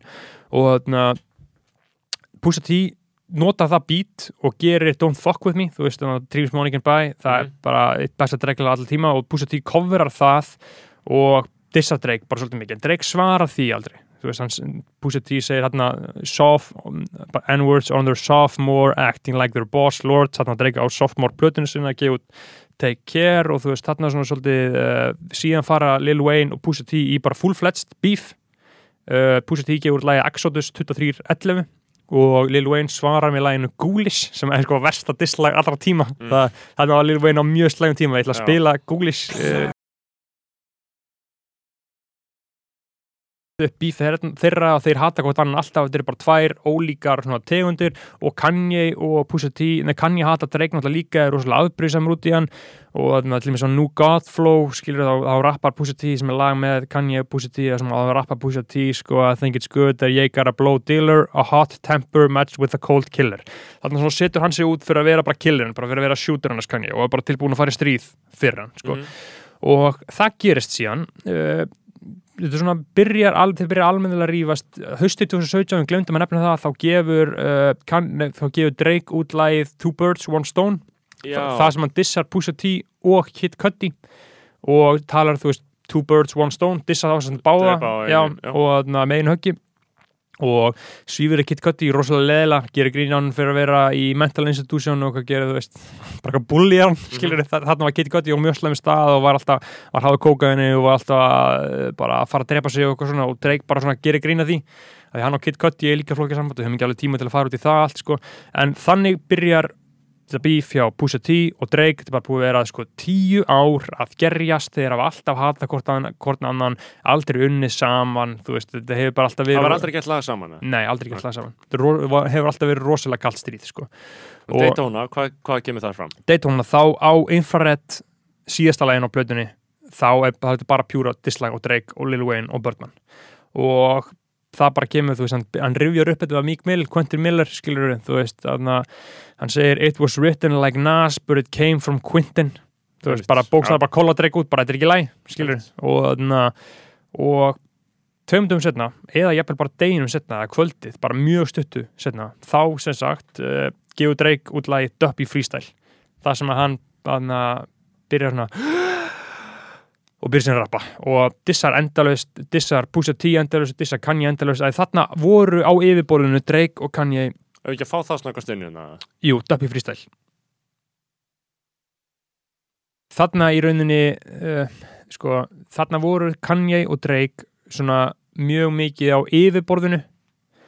Góði vinnir en Kanye prodúsar þetta lag og þetta kemur út. Þannig að þú veist, hann verður, Drake verður sár út í Kanye fyrir að gera það. Þóttir ef að hata eitthvað þannig að það voru þeir á yfirborðinu sáttir og voru bara áttu í einhverjum góðum sambandi og eitthvað svo leis en þetta lag kemur út og Drake uh, svarar með þarna að laginu sem hann blösta á Duppy Freestyle sem að fer síðan sem að Pusha T svarar síðan. Að það kemur raunin ekkert svo mikið fram á þessu Drake dislæg, þú veist, hann er aðalega bara að segja því að Pusha T náttúrulega, þú veist hann byggði allan sem feril á það, á, á því að hann hafi verið að selja rosalega mikið kókain að hann hafi verið bara kókain kingpin sem hann vissulega var sko og þú veist, og, og Drake hafði alltaf verið að dissa hann í gegnum tíðina fyrir það að vera alltaf að ljúga því. Og þú veist Legendary loka línunar í infrared sko að Pusha T segir uh, easily the old, only rapper sold more coke than me was Eazy-E uh, svara bara öllu þessu gefur út upp í freestyle aftur segir hann hafi ekki selt kókain fokk ég fyndið paldi ég að vera að monta sér því hvort hafi selt meiri kókain það er svolítið uh, skritin, skritin raunveruleiki rapparana upp í freestyle kemur út. Ein og það sem að hann gerir er að hann nafngreinir sem sagt uh, fiancé, hvað sem að trúlóðunar konuna sem að Já. er trúlóður uh, Hvað heitum við? Unnustu bara? Un unnustu, já, hann nafngrunir unnustu hans Pusha T. Uh, hún heitir Virginia Williams. Og það var það sem að svona svolítið, gerði þetta miklu grófara en, en hægt var. En, en, en þú veist, hafði hann ekki gert það þá þetta bara verið basic dislag en þar gekk hann svona, mm, segja menn svolítið, svolítið langt og nafngrunni hana. Pusha T svara því strax sagt, og bara gerir rauninni bara besta dislag allra tíma, svona upp að einhverju sem heitir uh, The Story of Adidon þannig að við spilum það núna. Uh, Exposar hann það að Drake eigi son. Þannig að segir You are hiring a child sem að Drake var að gera. Já, og það er náttúrulega algjörlega mögnuð saga með batnið hans Drake, sonur hans, Mhm. Adonis sa- og það, móðir hans hollensk kona fyrir hún til klámstjarna klám, klámyndaleikona. Og Drake hafði nokka hana upp einhvern tímann og var búin að vera í rosalega miklu sko svona paternity casei gegn henni.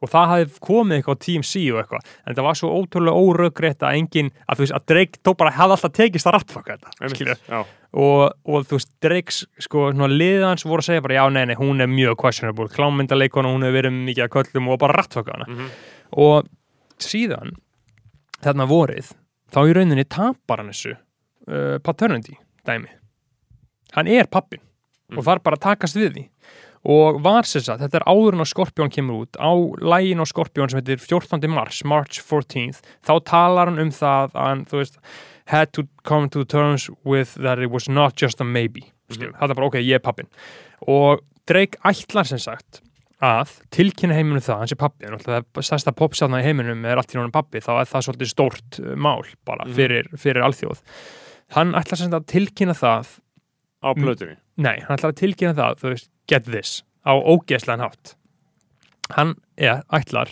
að gefa út skó hjá Adidas Mhm. sem að heita Adonis. Adonis í höfuð á sín sínum þannig að hann ætlar að nota svon sinn til þess að marka setja nýja Adidas dílinn sinn Mhm. og tilkynna són sinn þannig í leiðin líka veist, svolítið mjög sjúkt sko, veist, að nota krakkan sinn sem album rollout, sko, Mhm. að nota krakkan sinn til þess að græða pening, en síðan getur líka eitthvað sagt, jú, þetta er bara eitthvað list og whatever, sko, Mhm. það var plani á Drake að því að Drake hafi verið, sko, Nike bara rosalega, rosalega lengi, sko bara þú veist, frá, einn byrjaði, bara Jordan, Já. bara að hafi gert OVO Jordans og og allt í kringu það. Og, en síðan hægt og rólega var hann byrjar að sjást í fullt að aðtíða stæmi þú veist þetta var þegar ég fylgdist það mikið með að maður var að fylgjast með svona slúðupressun og eitthvað allt í hennu bara það að sjá sko Drake í Yeezys var bara rosalega stórt Mm. að veist það er náttúrulega ógislegt hvað þessi stórfyrirtæki Nike og Adidas hafi mikið lítök í þú veist þú ert bara annan hvort eða einmitt. þú veist það eru sumi gaurar sem að segja að megi ekki vera með Nike í Nike ból og stuttbuxum Me- það er ekki krossbranda, skilur Ég man, gaur, ég man eftir þessum tíma Mhm. Það var bara eitthvað gaur, út af krossbranda Já, það er bara ógeðslegur síðkapitalismi Ég man eftir þessu, og Já. Adas kom Bara Já. þetta krossbranda Ég bara, Já. ég er íslenskur lúser Já, ég man, ég, ég, ég, ég passaði mig alltaf á þessu crossband aldrei, nú Já. alltaf bara og ég bara, ugh. en Ég var að krossbranda í gymmin í morgun sko. já, king shit, king shit en þarna, það sem að gerist þarna er að uh, Pusha T, sem sagt, exposar þetta hann segir, þú ert með sonin og síðan fer hann í viðtölu og segir að Drake ætlaði að kynna son sinn á sama tíma og hann kynnti á Adidas stílinn sinn. Mhm. Pusha T fer í ógeðslega mikið viðtölum eftir þetta, Drake gerir það ekki. Og þannig nær Pusha T algjörlega stjórna narratífinni, þú veist, hann fer í öll á útvarsættina, fyrir Joe Budden talar endalist um þetta og allt svona. Mhm. og það sem að Drake hjælt að hefði gerst var sem sagt af, bara hvernig gætt Pusha T vita að barnið mínu? Mm það sem að hann hjælt að hefði gerst var sem sagt að Kanye hefði sagt hennum þegar. Drake kom í Wyoming fyrir að, að, sagt, að semja fyrir Kanye hann kom til Wyoming til þess að hjálpa honum að gera plötna sem hann var að gera, hann var í þessu projekti og síndi honum sem sagt 14. mars sagði honum að hann væri að vera pappið bara sem við vinir Mm. og náttúrulega fyrir þetta uh, glinda nefna það sko í byrjunum þú veist, fyrir þetta um vorið þá hafði Kanye, þú veist þegar bífið byrjaði svolítið að gerast þannig að í byrjun sumars þá var setið lift yourself læginu með Kanye Já. það sem hann segir whoopity scoopy doop Já. það er út af því að Drake elska þetta beat. Já. og Drake sagði að Kanye ætlaði að gefa Drake og það sem að Kanye gerir er Drake náttúrulega bara sér þetta á Spotify bara? Hann, hann, hann, hann gaf út læg sem hann ætlaði að gefa mér. Og Kanye gerir ekki svona alveg músík úti. Nei, eins og menn heyrði, bara whoopity scoopy doop það var bara eitt voru troll á Drake. Mhm. bara þú veist að niðurlegan. En það, það, það, það, er forsaðan fyrir því. Og þarna síðan segir Pusha T að Ka- Kanye segir að, að nei, Drake segir að Kanye hafi sagt Pusha T frá sinnum og það, hann finnst það hræðilegsvik. Þess vegna dissan Kanye þess vegna dissan Kanye svona rosalega mikið. Mhm. en Pusha T segir nei. Kanye sagði mér aldrei frá þessu. Það er bara ekki sens. Ég heyrði þetta frá uh, vinkonu, vinkonu minni sem að OVO 40 var að benga og var að pillotolka Ok og hann blandar 40 í raunin inn í þetta. Og náttúrulega á dislæginu sínu sem við spilum í náða þá er hann að segja tikk, takk, tikk að. 40 sé að fara að deyja. Af því að 40 er með MS sjúkdóm. Jú, jú. Og það er það sem að Drake fannst svo rosalega sjúkt. Þannig að þú veist, það er í raunin ekki vita hvernig Pusha frétti af sininum. Mm. en ég veit bara að með því að þú veist, að, að Drake fekk svona í fyrsta sinn ekki að stjórna narratífinu á eigin ferli kom honum mjög illa. Kom honum bara alveg rosalega illa og þess vegna fór hann út úr þessu bífi eins og, uh, eins og gerðist sko. Mhm. og þarna það fer eins og það fer þú veist, menn ætti svona svo- svolítið að þekkja söguna því en Drake alltaf bara remains victorious þú veist, hann er, hann, hann er alveg feltur hann en það einhvern veginn hefur, ein, já, já, hef- hefur ekki, hefur ekki mikla, mikil áhrif á hann Skorpjón kemur út um sömarið og það er bara uh, alveg klálega versta platans Drake, hefur ekki samlega það?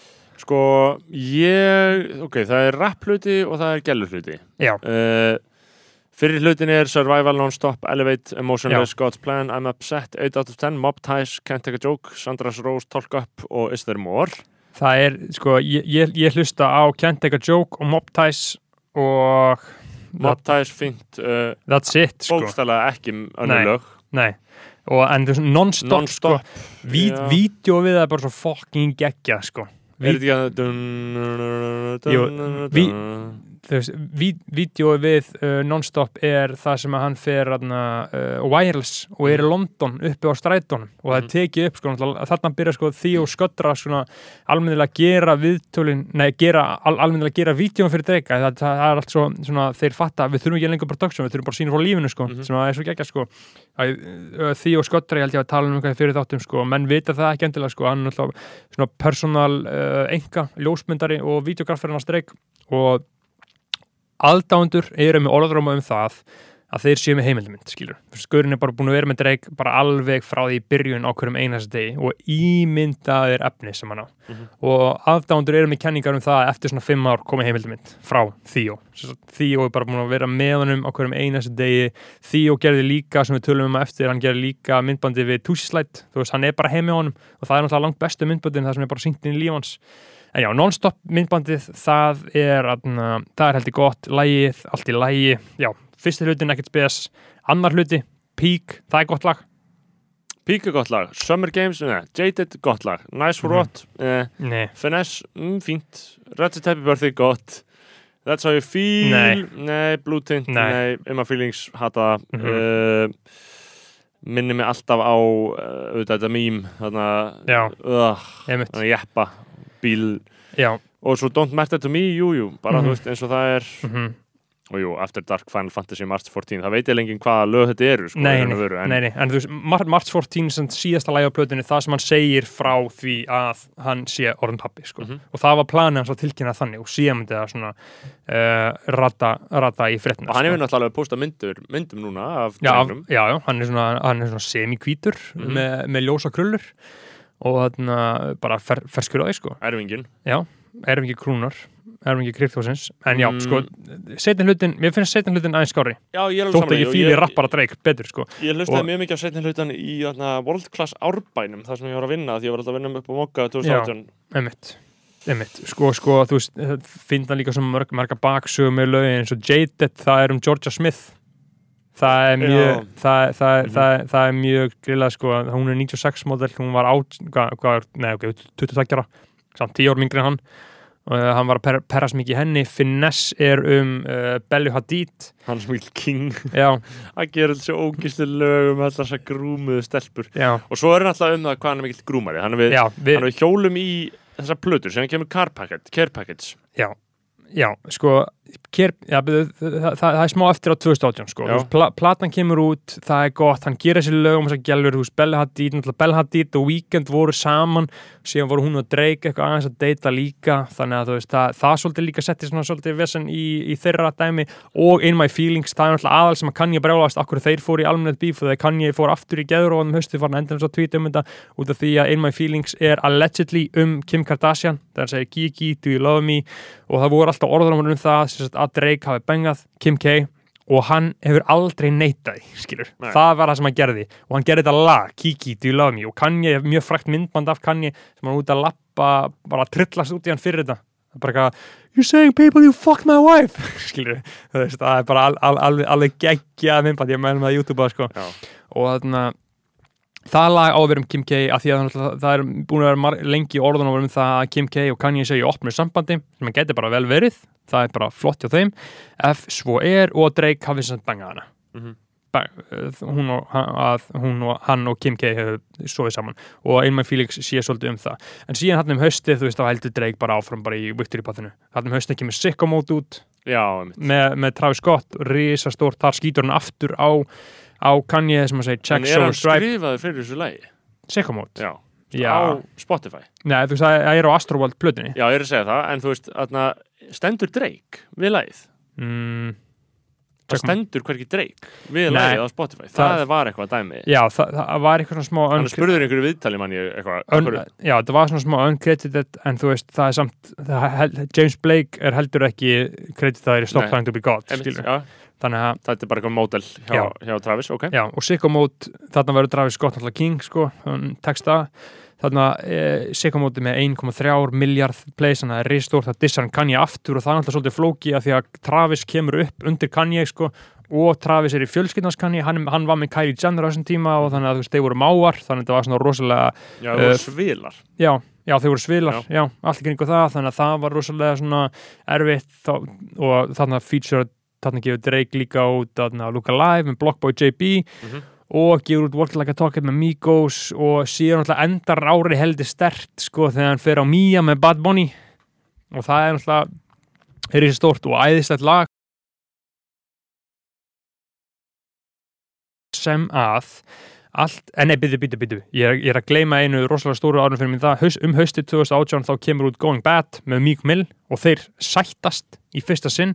Þannig er þeir búin að vera bífi í uh, þrjú ár og það er náttúrulega risa stórt að þú veist, þeir eru búin að sættast það er komið í fréttina, skilur, hann sættist með hann svolítið eftir hann byrjar að bífa við pusha sko, munur ekki aldrei sættast við pusha, ég held ekki sko og þarna, þeir sættast og squasha þetta, Meek Mill er búin að vera í fangelsi hérna, berðast fyrir lífið sinu og það hefur ekki gengið rosalega vel hjá hann eftir þetta, hann gaf út Dream Chasers 4 og Wins and Losses og alveg svona svolítið stór en aldrei almennilega og þeir gefa út þetta lag, veist, Going Bad, það er náttúrulega bara fucking vangið gott lag, þú veist, það Drake byrjar að Back Home Smoking Legal, I got more slaps than the Beatles, frábært, frábært lag, þeir gefa það út og Meek Mill nær algjörlega uh, uppreistæru, bara endur reist, gefur út championships frábær plata, geggja intro allt að gera sér honum og bara svona þarna verða þeir sáttir aftur og það er svona svolítið síni mótt dreik að hann samþykki Meek Mill aftur þá fær hann einhvern veginn alveg það snýst eh, bara um að þetta er bara, hann er bara svo guðin í TH hann getur bara skrifað undir, uppreist æru skilur Já, það, það, það er svolítið hannig og síðan er 2019 svolítið hægfara ár hjá Drake. Það ákveður hann að taka sér pásu. Hann segir það ekki taka með pásu í halvt ár ár að því bara eftir að 2018 var bara fucking huge. Og getur ímyndað þér hvað menn geta kulnað í Mhm. svona umhverfi. 2019 tekur hann sér svolítið pásu frá þessu care package, kemur út og hann eiginlega sko og, og þú veist, hann eiginlega svona hann gefur, hann, hann, hann featurear ekkert. Hann, hann er á No Gaita sem er Chris Brown ég gati eiginlega aldrei hlusta á það skrítið lag held ég. Aðeins svo mikið ennarlag sko, tveir Já. vel toksískir óbyldismenn, einhvern veginn komin saman að svífirar í hönnu, einhvern veginn. Það var eitthvað gert til að spæta hana, ég fílaði það ekki sko. Girl Need Love með Summer Walker feature á Rick Ross og það var einu sem ég gerði hann var bara feature á þreymur lögum og gaf ekkert út sjálfur nema hann alveg í lokin. Uh, þegar Toronto Raptors vinna uh, heimsmyndstartitilin í NBA þá uh, gefur hann út Best in the World pack með uh, Money in the Grave sem var svolítið gott lag sko, já, með, með, með, það. með Rick Ross og, og Merta sem að er mjög Mhm. gott ég, það er eiginlega bara, það er mjög Já, gott. mér veist ómarta með svona app þeir af þessum skrýtnu frístælum sem hann hefur tekið skilur Já, og Merta er mjög gott sko og, og Merta er á ítölsku, það er svona uh, mafíukót Þetta er fyrir ekki það svona þú veist- hendar skilda Nei, það er talað um að Merta, þú snitchar ekki Já, það er bara, það, það er þagnarskylda. Þetta er bara svona pjúra þagnarskylda og Merta því það. Og, hann, og þarna byrjar hann svolítið að hann segist að taka sér halvt ár ár til þess að einbyrða sér á sjónvarsefni og þarna byrjar hann svolítið rosalega mikið að vinna sér í, hann er að pródusera tvo sjónvarsefni sem eru komin út uh, Top Boy á Netflix og Euphoria og Top Boy var náttúrulega rosalega svona culturally significant út af því að það var sagt, bresk glæpaserja frá uh, svörtum breskum ungmönnum um bara svona inner city uh, líf í London, svona í London gettónu sem saga sem hafði aldrei verið sagðar sko. þú veist, þú fegst voða lítið af svona black british sögum Mhm. tvær serjur, þeim var síðan cancelað og ég held að það hafi verið svona 2012 eða eitthvað sem að uh, önnur serja fóru í loftið. Og síðan endur við eitthvað dreik það með Netflix og gefur sér þetta út Top Boy 3 uh, rapparinn Kano leikur í henni leikur í öllum hinnu líka og geggja dæmi. Býtið soundtrack fyrir það og gefur út líka na, Behind Bars freestyle set með soundtrackinu. Það er bara eitt uppáhalds dreglaði mitt svona, post 2018 sko, ég Mhm. bara elska það og hann vinnur í því, Top Boy kemur út það er geggja dæmi, hann stendur svo vel í því pródúser, þú veist, hvað hann gerir sem pródúser basically bara setja nafn sitt við það. Já, svona, já, já Nei. neyjar eitthvað Það svona, er ekki að senda tölvupústa nei, hann er ekki sendið tölvupósta sko, don't do iCloud, don't do email. Uh, síðan pródúser líka Euphoria sem er frábæri þettir uh, framleitir af A24 stúdíunum sem gera bara gott stöf sko, bara eitthvað king shit og síndir á HBO, svona úlinga úlingaseri, hefur séð það? Nei. Það er mjög gott sko, ég mæli með að, mæli með að checka það sko, það er alveg frábært. Uh, komið tveir auka þetta núna um jólin frá aftur sko, þannig að það, það var geggja og svona, þetta er svona svolítið svona TV-verkefninar, þú veist, pældi, það er geggja að fyrsta sem hann gerir er bara raunverulega eitthvað gott shit, Mhm. hann er ekki múin að fá svo mikið að tilbúa með sem við tölum í fyrir áttum bara endalaust, hann bara segir nei, nei, nei, nei, nei. Þangað til að hann finnur eitthvað sem að stikkar almennilega. Mhm. Og þetta flæðir allt hjá hann um 2019 mjög rólegt og síðan á aðfangadag 2019 gefur hann út fyrsta lægi sitt í bara uh, svona, þá, þá veldur maður sig að gerast og hann gefur út War sem er gott epíst lag, Mynd, gott lag. myndbandu honum á skýðum uh, spilum sköttra líka, hann gerir langt besti myndbandin maður bara, Þegar hann er bara eitthvað að flippa og reykja weed og Já. fara á skíði og bara einhver gaur á skýðum og hóta að drepa skilur. nettum úlpum Já. og eitthvað svona. Já. bara snjórin, þannig að og ég held málið er akkur dreikur sem vinsall í Íslandi, ég held að tengi smá snjónum líka, sko, Mm. veist, menn tengja náttúrulega, þú veist, bara þetta Toronto uh, þunglinda fucking slapp væpið, sko, þannig að maður, svolítið færi það, sko, alveg potið Þetta er einmitt það sem ég var að hugsa um sko. Ég var á leikrit um daginn og e, þetta var að sölum að deyr og bandarist á upplægi og gerist e, já, einhver lítið í Texas eitthvað, ég veit ekki alveg hvað þetta á að gerast og mm -hmm. hann er einhver að tala um sko í leikritinu já, ó, það er svo svalt og gott hérna, svalt og gott og ég hugsa bara, Íslendingar taka sér þetta orð ekki í munn Nei. ég tala ekki um að sé svalt einhvers staðar, af því það er aldrei það heitt að ég sé ánægð með svalt Nei. Pældi því, bara ég nota, ég tala aldrei um að neitt sé svalt eða þú veist, að, einhver, að, að það sé eitthvað gott svona svali, bara merkilegt sko. Mólið að lengi, já, Móluður leika, já, já, geggjað góður. bara. flott leikrit sko, þrý klukkut með þetta. Úf, heavy, já, ok, en heavy. áfram. Uh, já, War Uh, kemur út, War þa kemur það er geggjað. Síðan eru við kominir yfir í, upp, upp í 2020, þá kemur út uh, When to Say When og Chicago Freestyle myndband aftur uh, og það, já, geggjað myndband. Það er því og sköldra líka, þú veist, þarna er hann hann er hættur að vinna með, þú veist pop dæmi, hann, hann þarf ekki Director X lengur, og ég man ekki hvað hann heitir. Það er sama gellan sem gerir Nice for What og God's Plan, hún er Mhm. kanadísk líka mjög, mjög nett, sko, en það er svona svolítið mjög poppað, sko, þannig að hann komið einhver skýrabum áleis, en í þessu myndböndum er hann bara að vera hann sjálfur, Já. hann er bara að sína algjörða frá lífið sinni, þannig hann lætur bara því og gera það sem er alltaf bara fucking veistla og When to Say When og Chicago Freestyle uh, Chicago Freestyle, mér finnst það Já, Eminem, Eminem, I do know one thing though, women they come they go uh, Eminem say bitches they come they go, Saturday through Sunday, Monday Simp, King, hann tekur Já. þetta út Emitt, Emitt, það er ekki bara vinningu fyrir konum uh, Þetta er svo með afalægin Superman með Eminem, geggja sem ég man eftir bara að ég var mjög lítill held ég sko, eða svona aðeins yngri Já, sko. ég var sko með það brent Bom, á bom, disk bom. í möstunni Mhm. þannig að þetta var, lag var alltaf verið að spilast í möstunni Já. gömlu sko, gráu gömlu það var heldig, heldig gott að mig en já, þetta kemur út, hann að feature hann uh, á Life is, Good með Future uh, og það er náttúrulega bara aftur svona, wow, Mhm. djúvill er hann góður hann er ennþá alveg með það, þannig að byrja hann svona að sanna sig svolítið aftur, ekki það að maður hafa eitthvað mistrúna eða neitt svo sko, hann svona myndi mann á bara ok, bara still got it.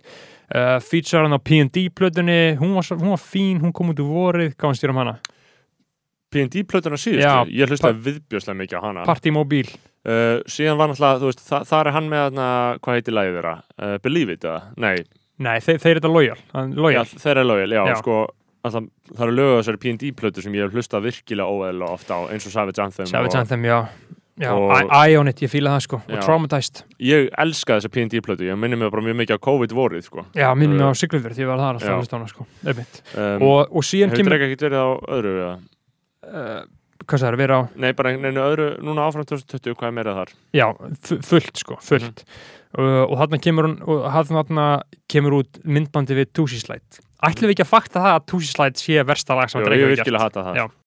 Það móðgæðist maður smá, Já. þegar maður var bara eitthvað gaur þetta er svo Já. fucking augljóst, þú ert að syngja einhverja leiðbenningar Já. um dansinn, já, skilur já, bara, vá Tusi er sko einhver svona tiktokari svona er kanadískur og bara, þetta bara, þetta bara, þetta lag er algjört cancer, Já, þetta er bara, sko, ömulegt en epíst, epíst, epíst myndband. Já. af því að þarna frumflytur, eða frumsýnir Drake uh, húsið sitt, The Embassy. Já, já, stóra, stóra, stóra stóra. Mhm. sem hann er búin að byggja í alveg fimm ár í Toronto í einhverju Toronto útkvöri, hann bjó alltaf uh, í Calabasas sem við tölum á það, er héttað YOLO Estate Mhm. húsið hans þar, fluttið þangað til 2012 eitthvað svoleiðis.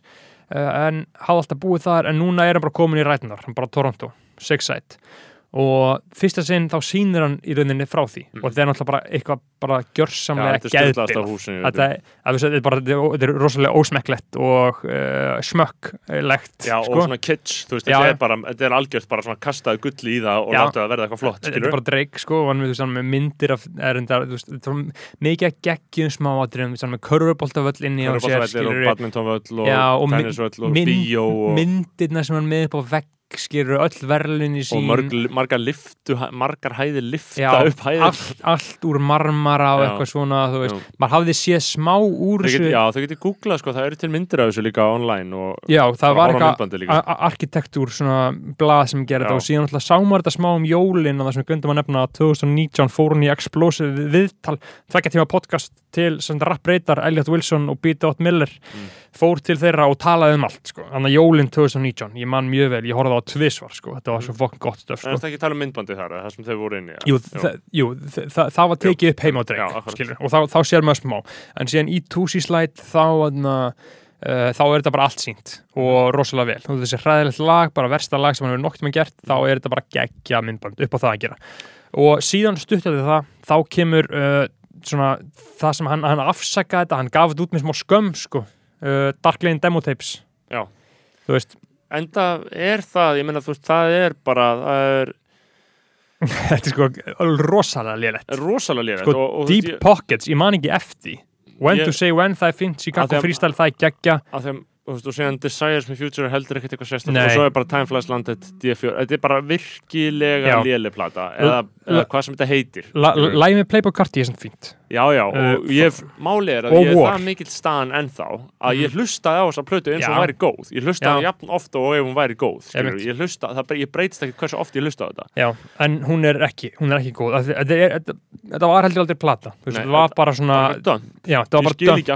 til þess að halda sér bara heitum og gefa, gefa fólki eitthvað sko, að því að Drake náttúrulega, þú veist hann helsta markmið hans í lífinu sem hann hefur sagt í bara öllu vöndur sem hann noktið að farið í er að hann vill búa, hann vill samtraka líf allra sem hlusta á hann, hann Mhm. vill bara gjörsamlega búa til músík fyrir fólk til þess að samtraka líf þeirra. Mhm. þannig að þú veist, hann getur ekki tekið sér áraspásu eða hann, hann, ver- hann verður að hafa eitthvað hann bara verður, þetta er eitthvað svona og þess vegna kemur náttúrulega átt að koma út núna í upphafi árs Já. uh, 2021 Emmitt Certified Lobby kom að því eitt smá og síðan um það eh, sumarið það er alltaf að gera sem gefur út Grís og Popstar með DJ Khaled Popstar, það er svolítið kvörslag sko, Mm. ég, ég fíla það ekki uh, en ég fílaði Grís, finnst það geggja sko. Já, veist hvort tækja svona algjörlega já, svona svol- svolítið midjókur og síðan um haustið uh, eftir bara COVID sumarið, þannig að allt í fokki í Kanada og Bandaríkinum og alls þar þá kemur út uh, Laugh Now, Cry Later með uh, Lil Durk mm -hmm. það er fyrsti singullin af Certified Loverboy